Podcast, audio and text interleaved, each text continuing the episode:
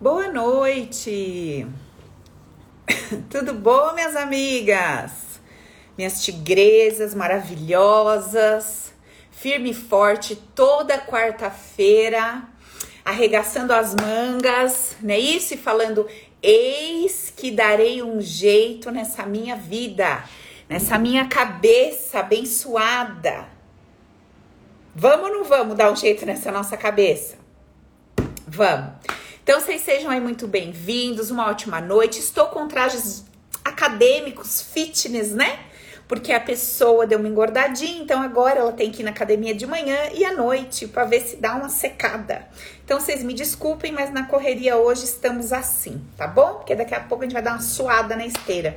E eu vou conversar com vocês de lá, que eu vou abrir uma caixinha de perguntas para a gente aprofundar algumas dúvidas e questões que vocês possam vir a ter da live de hoje. Então, durante o nosso bate-papo, vocês já aproveitem para anotar. Se enquanto eu estiver falando vier alguma questão aí que eu não dê conta de ler aqui, vocês anotem e aí vocês me mandam lá na caixinha que eu vou abrir nos stories. Combinado? Beleza.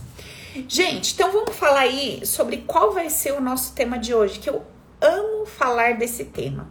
Esse tema foi a minha inspiração para desenvolver todo o meu trabalho, para dar o nome do meu curso, né, do Open, que é O Poder é Meu. Hoje nós vamos falar o seguinte: como é que a gente pode resgatar e ativar o nosso poder? Então, dentro desse tema, nós vamos abordar algumas questões. Primeiro, talvez você nem sabia que o seu poder não está em você. Segundo, talvez você nem sabia que o seu poder, além de não estar em você, ele está inativado. Ele está desativado, ele está bloqueado. Então a gente já começa por aí. Primeira coisa, será que você estava consciente que o seu poder, poder, e a gente vai entender essa palavra poder também, o seu poder não estava em você muitas vezes em relação a diversos aspectos. Você ia buscar, sabe quando você vai para dentro daquela busca, cadê? Cadê aquela força para? Cadê aquela motivação para? Cadê aquela respiração para? Cadê aquele sentimento? Cadê aquela ideia para que eu possa tal e tal coisa? Quando você vai buscar, você se depara com um grande vazio, não tem nada ali. Então, onde é que está o seu poder? principalmente quando você mais precisa dele ativado, habilitado em você, que é exatamente no momento da contrariedade, da adversidade, do conflito, da perda, da dificuldade, do luto, da escassez, da falência, da separação, não é isso? No momento que a gente mais precisa vasculhar aqui dentro, encontrar o nosso poder, Cadê esse poder? Tá fora da gente. Ou a gente até encontra algum vestígio desse poder, mas ele está completamente desativado. Então, o nosso tema de hoje é esse: como é que eu posso resgatar o poder que eu perdi, que eu entreguei, que eu dei para os outros, que eu larguei no meio do meu caminho? Veja, não é que ninguém tomou de mim, não. Ninguém tem o poder de roubar o que é meu. Não tem. Mas eu tenho todo o poder de entregar o que é meu para os outros, de largar no caminho, de perder, de não valorizar, de não olhar com carinho, de cuidar, de preservar e sair largando por aí. Então é isso que nós vamos olhar hoje. Outra coisa que eu quero falar com vocês Muitas pessoas que me seguem há muito tempo ficaram chateadas, mandando mensagens para mim no direct. Poxa vida, Paula, você abriu a turma do Open, minha vida tá assim, do avesso, meu marido desempregado, eu tô em tal situação, questões com filhos, questões da própria pessoa com a sua questão ali financeira, etc. Algumas pessoas que estão fora do país entenderam que não iam ter condições de fazer isso nesse momento por conta do que estão vivendo lá fora. Enfim, muita gente me procurou Poxa, Paula, tô chateada. Você vai abrir Open o ano que vem, a gente não sabe se vai abrir, quando que vai ter outra turma e tal. Bom, existe um caminho que ele é o caminho inicial. Eu venho falando isso para vocês já há muito tempo. Quem é velho de guerra aqui já sabe do que eu vou falar. Existe o primeiro passo que nós precisamos dar em direção à nossa transformação. Portanto, eu vou fazer algo que eu nunca fiz. Eu vou trazer uma oportunidade, vocês que são velha de guerra aqui comigo já sabem que o que eu vou trazer eu nunca trouxe dessa forma e eu acho que vai ser muito legal, vai ser uma grandiosa oportunidade para quem tá nessa pegada de desenvolver-se, de se conhecer, de se transformar, de querer mudar tudo aí dentro. Então, assim, vou dar aula hoje normal, vamos bater papo normal. Só que na aula que vem, eu vou trazer detalhadamente para vocês. Quarta-feira que vem, às 8 horas, a gente vai ter uma aula poderosa. Vocês já viram aí? Tem alguma ideia do que, que eu vou falar aula que vem? Soltei para alguém? Acho que não, né? Aula que vem eu vou trazer para vocês cinco passos. Cinco passos que a gente tem que dar para caminhar na direção da força e da segurança. Como é que eu me sinto forte e segura na vida? Essa é uma, uma das chaves mais poderosas. A gente vai começar a falar sobre ela hoje. Então, assim, eu vou abrir uma oportunidade para todo mundo que não conseguiu entrar no Open por várias questões, dinheiro, tempo, etc., questões com filhos e família. Vai ser uma oportunidade única também para este ano, onde eu vou liberar para vocês parte do treinamento, que é o Viva a Vida com Leveza e Alegria, diversos bônus que eu nunca liberei junto com o Viva a Vida por uma condição especial. Só que eu não vou aprofundar nisso hoje. Eu vou deixar o link para vocês na bio. Hoje eu vim para dar a minha aula, como toda semana, o nosso bate-papo. Quem tiver interesse, vai na bio, clica no link, vai ler a página que eu montei bonitinha para vocês conhecerem. E quem quiser mergulhar mais fundo, quarta-feira que vem, esteja presente às 20 horas, que eu vou revelar para vocês a oportunidade. Ah, e todo mundo que me mandou no direct o eu quero, eu vou mandar o link para vocês bonitinho, para vocês acessarem e lerem o materialzinho que eu preparei para vocês. Beleza? Posso seguir o meu baile aqui? Então vamos lá. Vamos embora. Vamos falar sobre esse poder que é tão essencial na nossa vida. Esse poder que é fundamental para que a gente consiga no nosso dia a dia, no nosso cotidiano, viver as situações que a vida vai nos trazer, situações naturais da vida, que por falta de habilidade, por falta de maturidade, e não maturidade de idade, sabe essa maturidade que a gente fala de idade? Ah, já tenho uma maturidade, eu já tenho 40, 50, 60, eu já tenho dois filhos, eu já tenho não sei quantos netos, eu já tenho uma maturidade. Não é essa maturidade. A maturidade que a experiência da vida traz, não necessariamente ela vem acompanhada da sabedoria. E hoje nós precisamos entender que existem duas formas de nós vivermos a nossa vida. E que é uma livre escolha, é uma livre escolha qual por qual caminho eu quero seguir. Se eu quiser seguir pelo caminho da sabedoria, eu vou trilhar um caminho onde constantemente eu vou me dedicar, eu vou investir tempo e energia para estar resgatando e ativando o meu poder. Por quê? Quando eu resgato e ativo o meu poder, primeiro que quando eu vou para dentro buscando esse suporte eu encontro, então eu começo a viver o meu dia a dia com mais leveza e alegria. Quando eu vou para dentro e encontro esse poder aqui, automaticamente eu me relaciono com ideias poderosas e não com ideias infantis. Lembram das ideias infantis e das ideias poderosas? Quem lembra das ideias infantis e poderosas, bota aí eu, para eu saber se você está me acompanhando, se você está entendendo o que eu estou falando. Paula, eu, eu sei o que são ideias infantis eu sei o que são ideias poderosas. Se você não sabe, nunca ouviu falar disso, coloca aí, nunca vi, para eu saber se você, se, se eu preciso te trazer mais informações e te explicar a respeito disso. Então tá. Cassandra botou lá eu, eu. Então, eu tô entendendo que vocês sabem.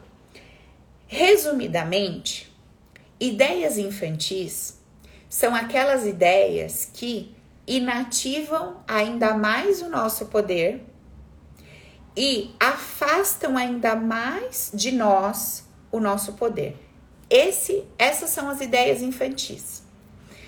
Todas as situações que você estiver vivendo na sua vida, quando você vai para dentro para buscar uma compreensão e você encontra as ideias infantis ali como única opção disponível para você, você está fadada a viver uma vida com agonia, com ansiedade, depressiva, chateada, se vitimando, sem força, sabe? Falta o ar, naquele desespero, sem saber o que fazer.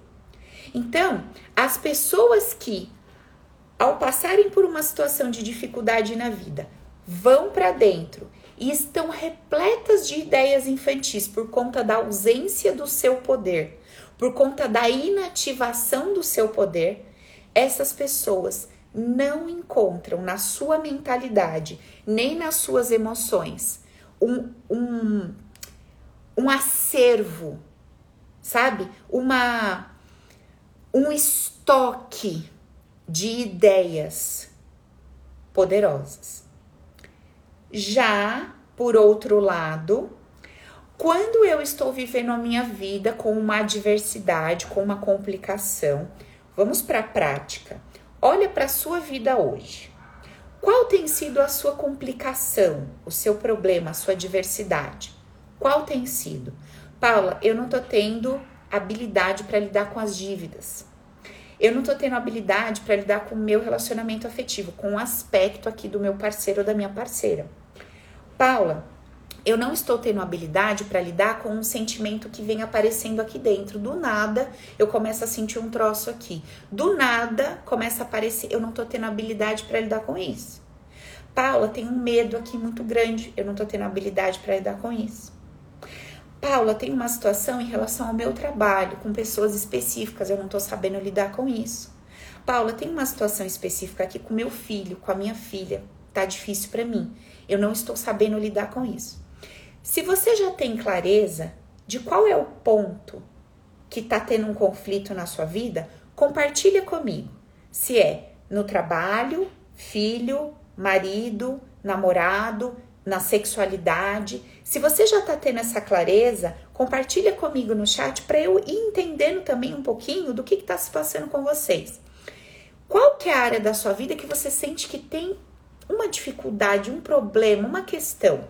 É com filho, com marido, é no sexo, é com a grana, é no trabalho, é com dívidas acumuladas. É a falta de habilidade em quê? Em lidar com o seu corpo, o que, que é? Ó, já estão me falando ali no Insta, ó, financeiro, dieta, tá, beleza. No trabalho, na sexualidade, com grana, no financeiro, vocês estão botando lá. Ó, dificuldade com a filha, ótimo. No trabalho, então, o primeiro passo é a gente compreender, trabalho, que existe um aspecto na nossa vida, um ponto ou mais de um, que está sendo difícil para nós. Que a gente está procurando uma resposta, a gente está procurando uma informação, a gente está buscando um como resolver e a gente não está encontrando. Ó, emocional, medo, relacionamento, várias questões dificuldade em captar cliente, falta de coragem, dieta e tal. Olha só que interessante. Todas as vezes que a gente está passando por um problema do lado de fora e a gente encontra dentro de nós um respaldo. Paula, como assim um respaldo? Eu vou te dar um exemplo, tá? Vamos supor que você vai fazer alguma coisa, o seu carro quebra. E você vai para dentro para se dar a informação e você fala assim: putz, Paula, quebrou o carro. Aí você fala: bom, quebrou, vai fazer o quê, né? Você liga para um para outro, você bota o carro para arrumar e fala: ah, tá bom, vou andar de Uber hoje, vou resolver minhas coisas. Beleza, aconteceu, você se comunicou, se autocomunicou, você fez um movimento de resolução, talvez na hora até dê uma xingadinha, ah, puta merda e tal, mas você resolveu. Tá. No mesmo dia, no dia seguinte, acontece uma outra situação com você, similar. Quebra um produto dentro da sua casa, um liquidificador, uma. Aquela pessoa que estava lá cheia de poder, com um acervo de ideias poderosas a respeito para solucionar, resolver e, e toca o barco, ela não estava disponível ali dentro de casa. E a hora que você foi pegar aquele liquidificador para fazer aquela torta que você tanto queria, que você estava com vontade, o liquidificador quebra, você pega, você taca ele no chão, você fica puta. Você já começa com aquele discurso, porque eu não consigo fazer nada para mim. Porque o tempo que eu vou fazer para mim, olha o que acontece. E aquilo já vem, aquilo ferve e tal.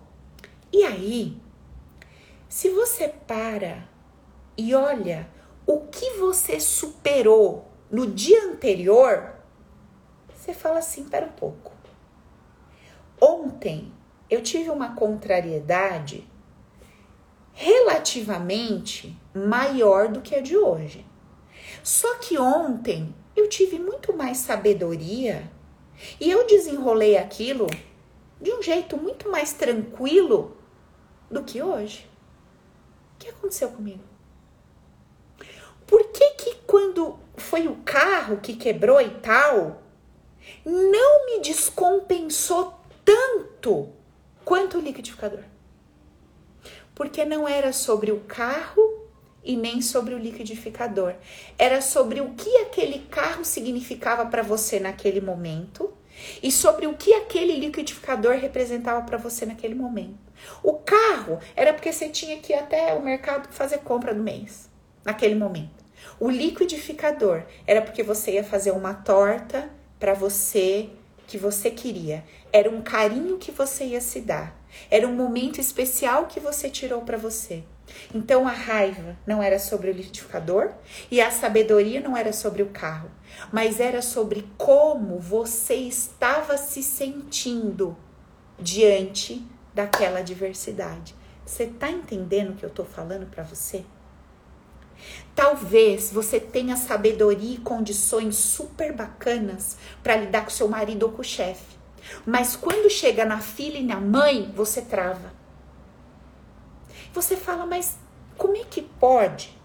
Eu consigo lidar com pessoas mais difíceis do que a minha filha e minha mãe. Meu marido é um burro chucro que veio lá não sei da onde. E eu lido com esse homem há 50 anos e tiro de letra.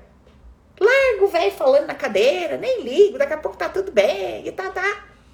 Mas quando eu saio da sacada e viro, encontro a minha filha, encontro a minha mãe, parece que o meu mundo desmonta. O que está acontecendo com a mesma pessoa que, ao buscar nessa ferramenta interna, encontrou clareza, discernimento, poder pessoal e força? para lidar com o marido, com o pai, com o chefe, mas que se descompensou diante da mãe e da filha. O que está acontecendo? Explica para mim. Não tem explicação racionalmente falando. Paulo, eu já passei por situações de eu ter dívidas muito maiores do que essa. Eu já passei por apertos financeiros até na minha infância, que se eu te falar, você não acredita. E posso falar? Tirei de letra, superei. E hoje me aconteceu uma situação que é assim perto do que eu já passei. E eu estou no chão. Eu estou no chão. Como que você me explica isso? Cadê aquela sabedoria que eu sei que eu tenho? Porque vira e mexe eu uso ela para eu ativo ela para outras áreas. Cadê aquele poder e aquela força que eu sei que eu tenho, que eu ativo ele vira e mexe para outras áreas? Por que, que eu não consigo ativar aqui, nessa situação? Por que, que eu fico que nem um tapete velho estirado no chão? Por que, que eu estou fazendo isso comigo? Vocês estão entendendo o que eu estou trazendo? Bom, o nosso ponto de hoje é: como é que eu faço para resgatar? Então é quando aquilo não está em mim. E como que eu faço para ativar o poder que está dormindo, que cochilou aqui dentro? Então vamos começar a entender. Eu acho que eu não preciso mais, né, gastar tempo mostrando para vocês a importância de ter o seu poder aí dentro e ativado, né? Isso tá claro? Uma pessoa que não tem o seu poder dentro de si e nem ativado é uma pessoa refém de qualquer contrariedade que a vida lhe traga e vai lhe trazer. Vai lhe trazer. Porque qual é a única certeza que você tem logo que você nasce? Que tu vai empacotar. E que todo mundo que você ama também vai. Não é isso? Bem empacotadinha lá no caixotinho de madeira. Ou tomando um foguinho lá, todo cremadinho. Não é lá que nós vamos? Vai todo mundo. E sabe o que é mais engraçado? Que a única certeza que todos nós temos é motivo para ficar sem graça, evitar comentários. Não, muitas vezes não se pode falar de morte principalmente se no ambiente tiver alguém que perdeu alguém. Vamos evitar. Vamos evitar o quê? O óbvio. Vamos evitar o quê? A, a única certeza absoluta da vida? É isso que vamos evitar? Porque não fomos desenvolvidos para viver a vida real? Por que não desenvolvemos habilidade para viver a vida real de todo dia que vai se apresentar para nós? Então, ao invés de eu me preocupar em ativar o meu poder e resgatar o meu poder, eu evito tocar no assunto? E eu vou esperar esse assunto me encontrar para eu ficar estirada no chão? Ou eu vou encarar de frente a vida real que tem para eu viver? O que, que vocês escolhem? Encarar e resolver? Buscar o resgate e ativação do seu poder? Ou ficar fugindo daqueles assuntos? Ai, traição, Deus me livre, bate na madeira. Ai, quebrar, fechar a empresa? Deus me livre. Como se não tivesse essa possibilidade. Não, mamãe morrer? Deus me livre. Mas quantos anos ela tem? Ah, já tá com 102, mas é uma saúde, vai longe. Vejo mamãe com 189, bate na madeira. O que, que está falando? Que, que, que mentalidade é essa? Que falta de poder ativado. Isso é tão insano que quando você evita tocar nos assuntos que são sensíveis a você, porque você não tem esse poder aí dentro habilitado, você não se precaver. E entenda precaver como estar de olhos abertos para encarar o que está acontecendo na sua frente. A mulher tá lá batendo na madeira, traição, Deus me livre, isso nunca vai acontecer comigo. Aí ela pega batom na camisa do marido. Não, foi a vizinha. Ah, tá. tá. Tudo bem, uma vez. Aí outro dia pega o papelzinho de motel no bolso. Ah, amor, dei meu amigo que andou no carro comigo enfiou o papel dentro da minha calça. Não, seu amigo enfia a mão na sua bunda lá pra pôr papel dentro da sua cara? É, então, você vê, menina, enfiou. Aí você fala, ah, legal, mais uma. Aí outro dia fala que teve reunião até meia-noite, mas não pôde atender, não pôde responder uma mensagem. Você fala, menina. E assim vai. E aí você fala pra ela, ah, não, não, não, traição. Deus me livre. Se eu me pegar sendo traída, acabou pra mim. Acabou o quê? Então a pessoa não quer ver. Porque ela, ao invés de se dispor e se movimentar a ativar o seu poder para lidar com a vida real, encarar os fatos, ela prefere fugir. Porque ela não tem essa força lá dentro. Quando ela busca na reserva interna dela, ela não tem nada para sustentá-la positivamente. Ela acredita na escassez universal, então ela acha que se ela perder esse homem, não tem outro. Ela não acredita no seu poder pessoal, no seu poder de conquista. Ela não se vê como uma pessoa que merece receber amor, carinho e cuidado. Então, se esse tonto que tá dando isso pra ela, que caiu de gaiato na conversa dela, for embora, não vai ter outro tonto para dar alguma coisa para ela. Vai percebendo o que eu tô falando para você. Aí, quando você vai para dentro, não tem um eu lá dentro de você cheio de ideias poderosas para falar assim, ó. Então, olha só. Isso foi embora. Isso acabou. Isso se rompeu. Isso chegou ao fim. Esse ciclo finalizou. Olha, vamos ter que mudar de casa.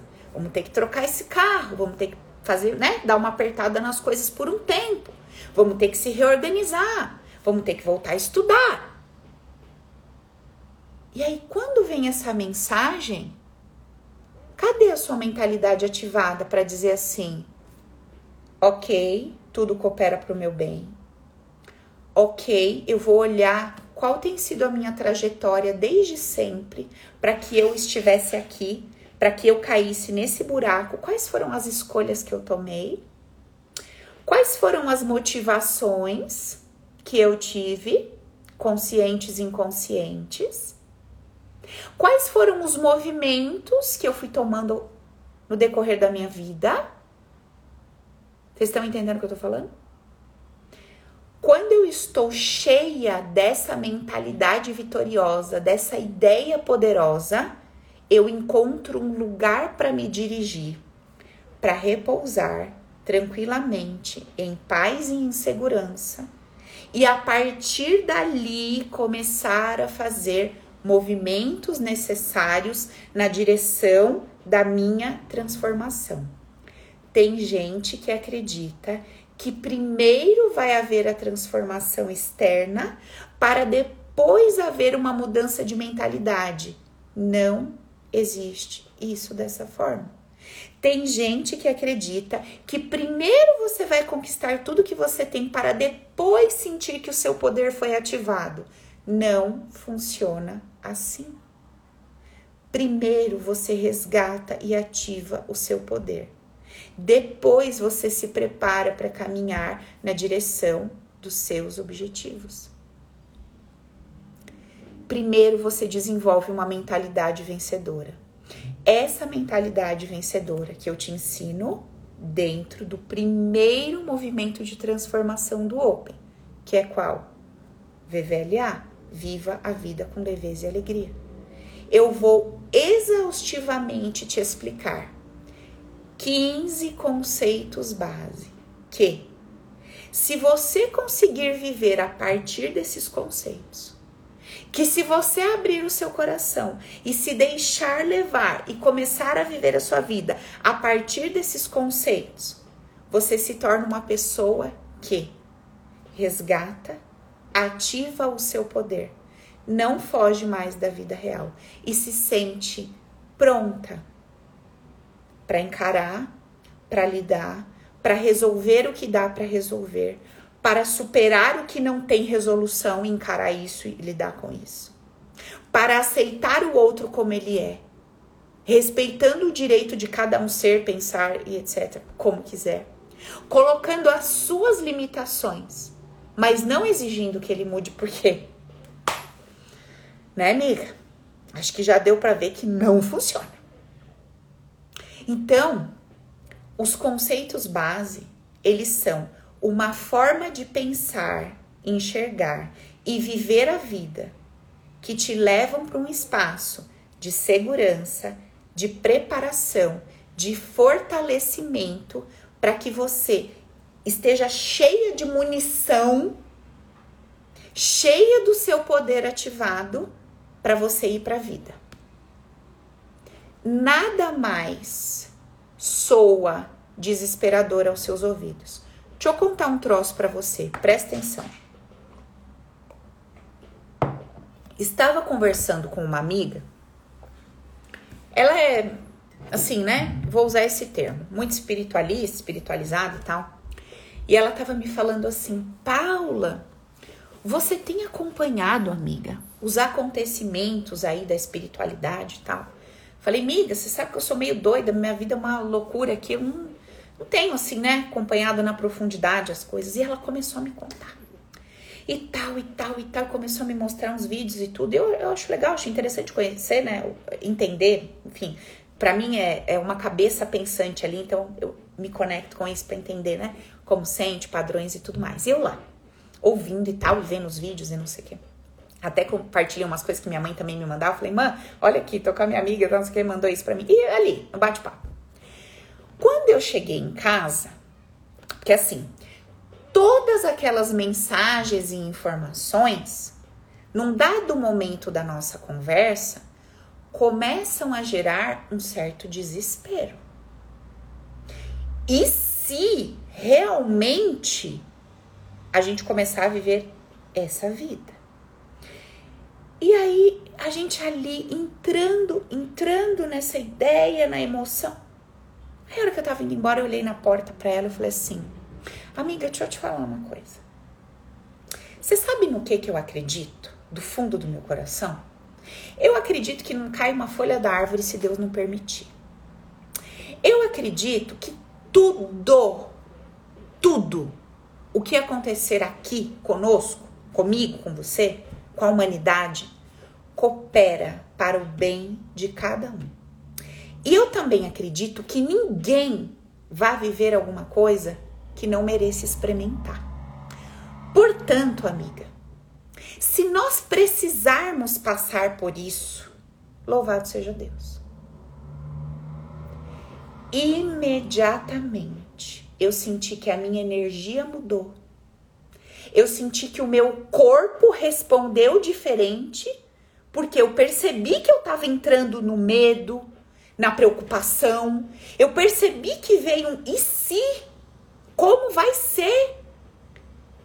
E no momento que eu fui para dentro, para o meu acervo pessoal e íntimo de convicções, quando eu fui acionar a minha mentalidade, quando eu fui de encontro ao meu poder, Olha que coisa linda que eu encontrei.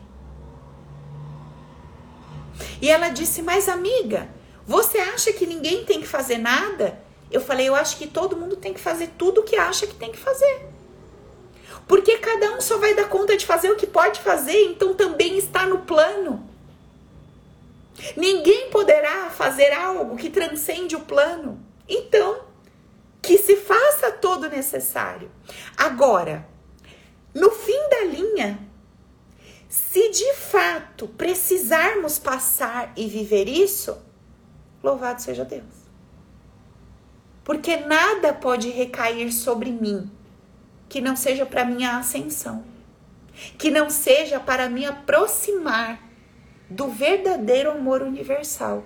Então, eu tô em paz.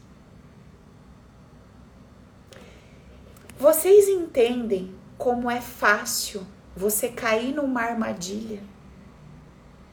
Se você não tem dentro de você um espaço fortalecido, um espaço genuíno que te leve para esse estado de paz, de segurança, que é sobre isso que a gente vai falar aula que vem. Quais são esses cinco passos que eu tenho que dar para me sentir forte e segura na vida. Todos os dias. Todos os dias vão chegar informações para vocês, mensagens, notícias, todos os dias. Elas não vão cessar. Se você, amiga, amigo, ainda tá na ilusão de que vai existir o planeta Terra de boas novas. Pelo amor de Deus, põe o seu pezinho no chão e cai na real. Se você, depois de tudo que você viveu, ainda tá nessa ilusão, o que será que a vida vai ter que te trazer para ver se você. para ver se você encarna? Porque você quer viver nas nuvens? Assenta, aterriza e viva o real com o coração preso em ideias que te fortalecem e não o contrário. Você se desespiritualizada, você se desconectada, você tá ficando é doida, porque você não põe o pé no chão, você vive lá na nuvem. E você, quando ouve ou encara a realidade, você foge dela para essa nuvem. Ao invés de você fazer o contrário, filho. Morrer, tu fica na nuvem, resto da eternidade lá. Ou lá em cima ou lá para baixo. Deve ter nuvem lá embaixo para tu também, deve ter umas coisas assim. Então, para qualquer lugar que você for, você fica lá com a bunda sentada na nuvem. Mas o que eu quero que você entenda é assim: hoje, o que tem para você é uma vida acontecendo. Como você reage emocionalmente ao que você escuta? Como você reage emocionalmente ao que você vê? Como você reage emocionalmente às percepções físicas que te tocam, que te encontram? Como? Para qual é o lugar que você cai toda vez que alguém te diz alguma coisa? Quando alguém não concorda com você, que buraco que você cai? Quando alguém não vai na onda do que você propôs, que buraco você cai? Quando alguém não faz do jeito que você acha certo, que buraco você cai? Quando você liga o jornal e não tá a mensagem que você queria lá, que buraco você cai? Quando você vai para o trabalho e não é o salário que você queria, não é o chefe do jeito que você queria e não é o seu subordinado do jeito que você queria, para que buraco que você se joga? Se você é uma pessoa que não entendeu que enquanto você não resgatar, ativar o seu poder e desenvolver uma mentalidade vencedora, todas as contrariedades da sua vida vão te jogar no buraco. Você vai ser aquela pessoa que vai viver assim, ó. Sabe? Aquele negocinho do coração lá que a gente faz o exame. O seu é assim, ó. Três pontinhos para cima, subsolo. Três pontinhos para cima, queda brusca. Bolsa de valor. Três pontinhos. Amiga, isso aí, ao longo de um ano, dois, cinco, vinte, dá probleminha. Dá probleminha. Com 20 aninhos não dá, não rasgar o sutiã na rua. Não dá probleminha com 20. Dá pouco probleminha. Mas com 30 para cima. Mas começa cada probleminha, né, Soraya? né, amiga? Vai chegando cada beozinho. Aí você fala, nossa, mas na minha juventude, é assim. Sei o que tá acontecendo comigo agora. Eu mesma ando desbravando uns buraquinhos emocionais aqui, querida. Que eu tô olhando para ele falando: Nossa, você tava aí, bem? Há quanto tempo? Aí ele olha para mim e fala assim: Uns 20 aninhos. Eu falo: Ai, que graça! Menino, faz 20 aninhos que você tá aqui. É, você não me via, você fugia, você corria. Agora você vai ter que ver. Tá bom, vamos lá, vamos ver. Quem é esse observador que está se encontrando com as emoções? Que está se encontrando com as ideias que a mente está vendendo? Cadê a tua força? Cadê o teu. Você se desgasta tanto para aprender tanta coisa na vida e tá tudo bem sobre isso. Você quer tanto a pós-graduação, o doutorado, o mestrado, você quer tanto, tanta coisa e você não lê um livro de 170 páginas, o Viva a Vida. Você não lê e não estuda um livro que começa a te ensinar. Você não faz um curso. Que ainda vou abrir com um preço especial, condição bônus. Você não faz um cursinho poderoso, acessível, para ter condição de ter essa mentalidade. E sai por aí revoltada achando que tá cheia da razão. E achando que o mundo vai ter que se curvar a você. Ah, é? Você vai ver. Aí vai, volta toda arrebentada. E no outro dia de novo. O quê? Vocês vão ver. Volta estrupiada. Até um dia que ela fala assim, então, né? Cansei. Vou mais não nesse caminho, não tá dando bom. Deixa eu tentar outro. Já que ninguém vai mudar para me agradar, já que a vida não vai ficar cor de rosa, já que o mar não vai ficar calminho assim o tempo inteiro. Vou aprender, né? Vou aprender a navegar na tempestade. Vou aprender a colher no dia de chuva. Vou aprender a lidar com os outros do jeito deles. Aí ela começa a voltar melhor. Não volta mais estrupiada, arrebentada, acabada. Ela volta com mais energia, ela planta melhor na vida dela, ela começa a colher mais frutos legais. Como ela não está estrupiada, ela tem mais tempo para se cuidar. Ela consegue ser mais divertida e bem-humorada com seu entorno. As suas relações vão ficando mais leves. Porque ela aceitou a vida como é. E fez a sua lição de casa. Cabe a mim. Cabe a mim desenvolver uma mentalidade e um campo emocional que me eleve. Nós precisamos internalizar as ideias, por exemplo, que eu trago dentro dos conceitos. Essas ideias são, eu, eu acho que poderosas é, é pouco, eu queria uma outra palavra para te impactar. Eu queria conseguir trazer uma palavra sobre o que representa os conceitos base na vida de um indivíduo. Tem uma pessoa que trabalha comigo no meu suporte do Open que eu nunca canso de citá-la. Todas do meu suporte vivem debaixo dos conceitos base, todas já estão há muitos anos comigo. Mas tem uma mulher ali que eu não sei o que, aconteceu com ela, né, Silene? A Jusce. Que a Jusilene, ela é um conceito ambulante. A Jusce, ela conseguiu, ela conseguiu soltar pelos poros os conceitos na vida dela em todas as áreas. Nas piores contrariedades que essa mulher viveu vaza pelos poros dela. E a vida dela é perfeita? Ela é rica? Famosa? Não. Tem família Doriana, marido, filhinho? Ela e o filho dentro de casa. Vários desafios. Só que essa mulher aprendeu a viver a vida com leveza e alegria. E esse amor começou a vazar de tal forma que ela começou a se inundar disso. Ela cuidou do corpo dela, hoje, sei lá, se deve estar uns 15, 18 quilos mais magra, se amando, se vendo com carinho, com respeito, se colocando na vida com força, com, colocando limitações. É muito forte o que aconteceu na vida da Jússia. Mas o que ela fez, Paula? Ela vaza pelos poros os conceitos.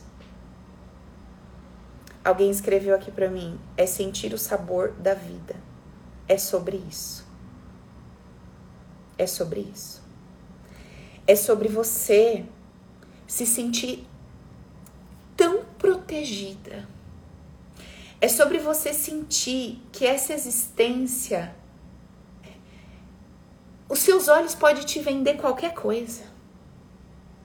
Mas quando o seu coração pulsa, vibra, e quando os seus pensamentos dessa mentalidade vencedora gritam mais alto com você, dizendo assim: se lembra do que você não é. Você não é esse corpo, você não é essa pessoa, você não é essa história, isso vai acabar. Você é uma coisa que é além. Você está além, isso aqui é temporário, isso aqui é passageiro. Quando o seu coração grita isso para você. Quando a sua mentalidade vencedora berra no seu ouvido. Quando ela grita com você, você acorda e você fala: ah, é verdade, tudo coopera para o meu bem. Eu sei que só chega para mim exatamente aquilo que eu preciso.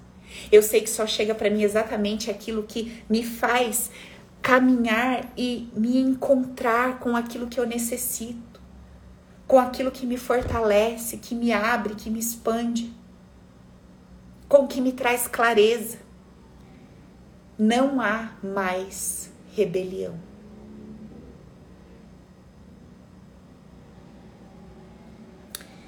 Tem um lugar dentro de você se rebelando. Tem um lugar dentro de você se rebelando.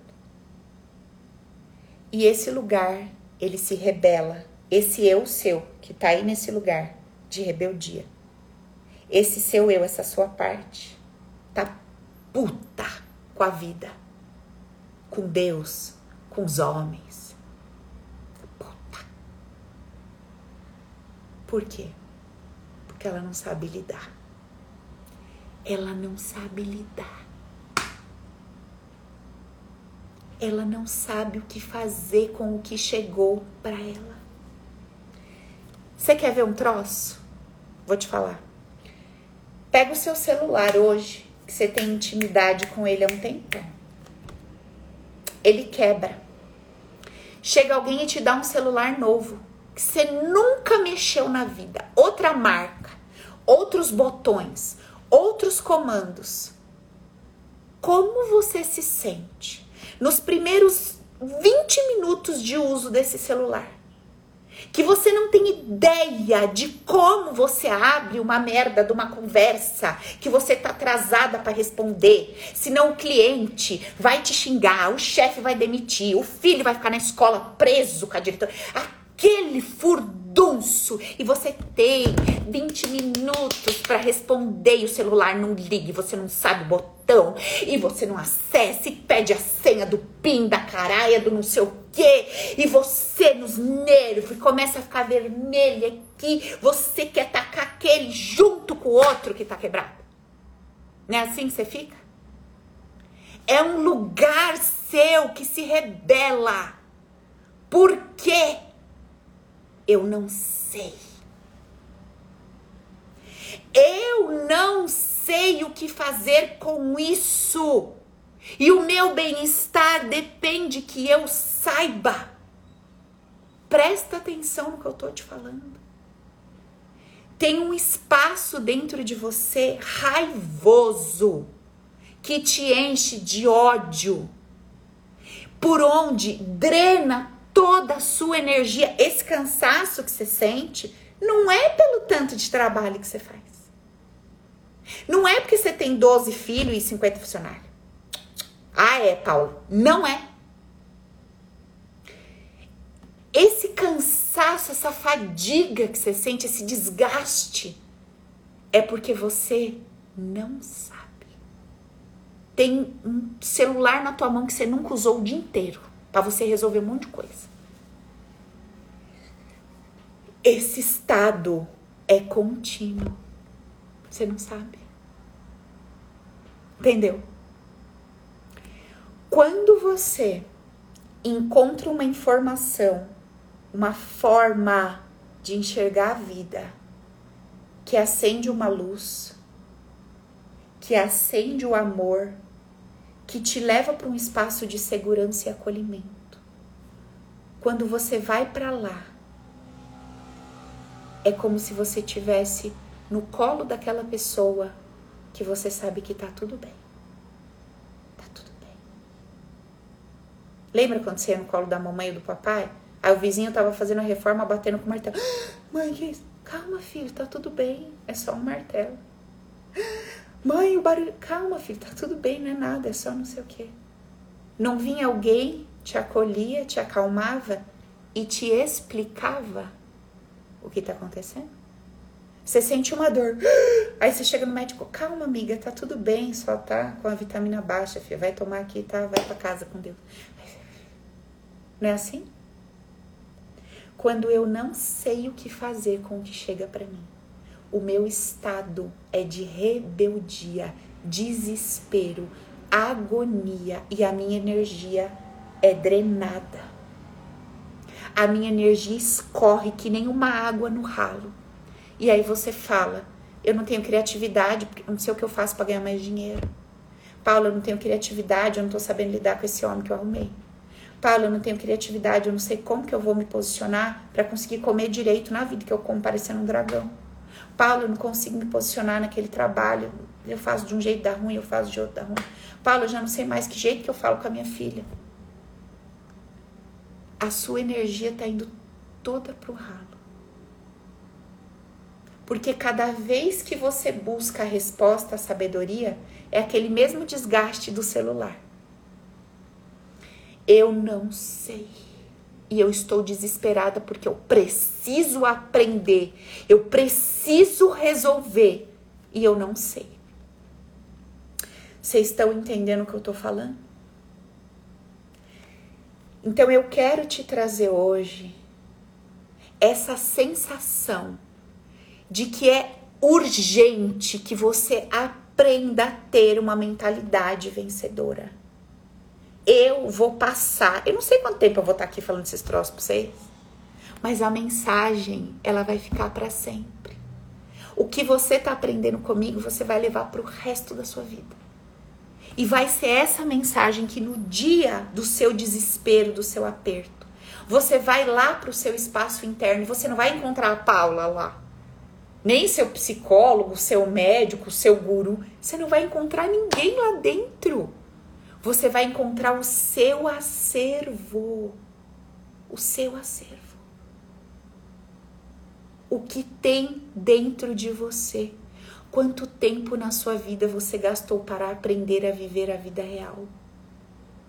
Quanto você gastou de tempo, de energia e de dinheiro para consumir uma mensagem que te fortalece, que te leva para um lugar a partir do qual você se sente tão poderosa que você se sente capaz e inteira para ir buscar o que faz sentido para você.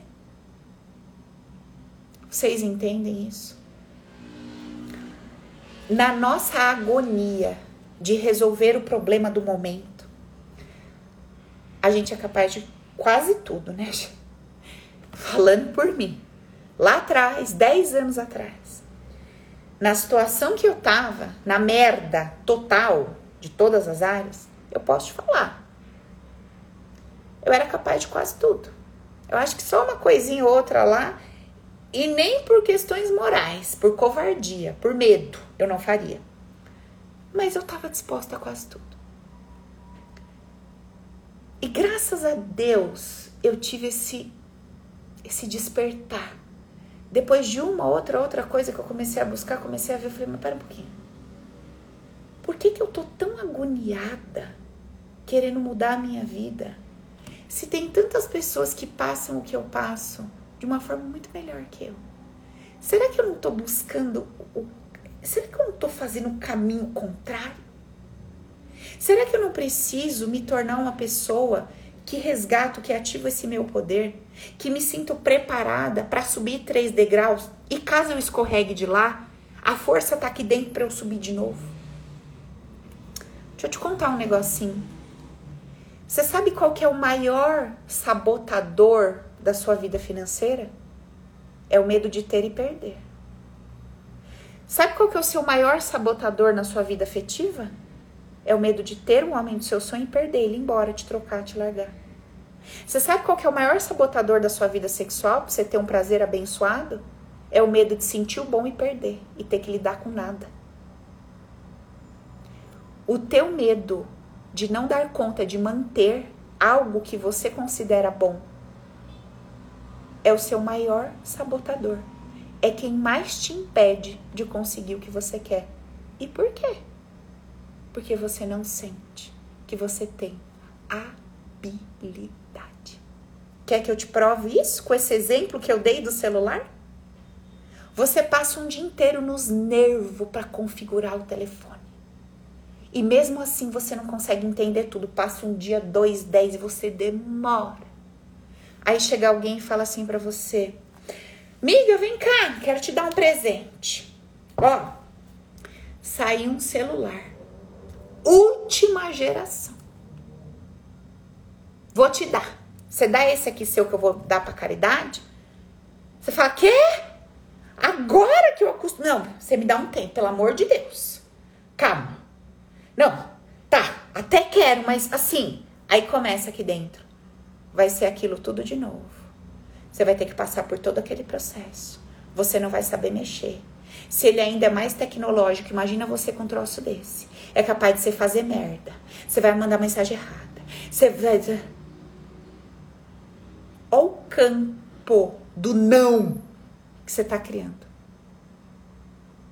Você fala assim, eu quero dinheiro. Cabeça começa. Dinheiro vai viver pro trabalho. Depois você sabe, né? Povo interesseiro. Todo mundo vai começar a te pedir. Você não sabe falar não, que você não tem boca pra nada. Você vai ter que dar tudo que é seu pros outros. que tonta que você lembra que você falava que os outros que dava tudo que era desse pros outros era tonto? Então agora você vai. E não para. Ao campo. Não. Profissão, mesma coisa. Fama, mesma coisa. Reconhecimento. Então, o teu maior sabotador que te impede de alcançar seus objetivos é o medo de não saber lidar com as contrariedades. O dia que você se sente preparada para começar um relacionamento e se acabar, vou sofrer, vou, acabou, vou fazer o quê? Vou matar? Não vou matar. Arrumei um emprego legal. Bom, arrumei. Aconteceu um monte de coisa. Fui demitido, não deu certo. Não deu. Fazer o quê? Tudo coopera com o meu bem. Vamos pro próximo. Vou ver o que, que eu fiz, vou ver onde que eu vacilei, vou ver como é que tá esse campo emocional, eu vou entender o contexto, mas vamos pro próximo. Não vou ficar jogada no lixão, não.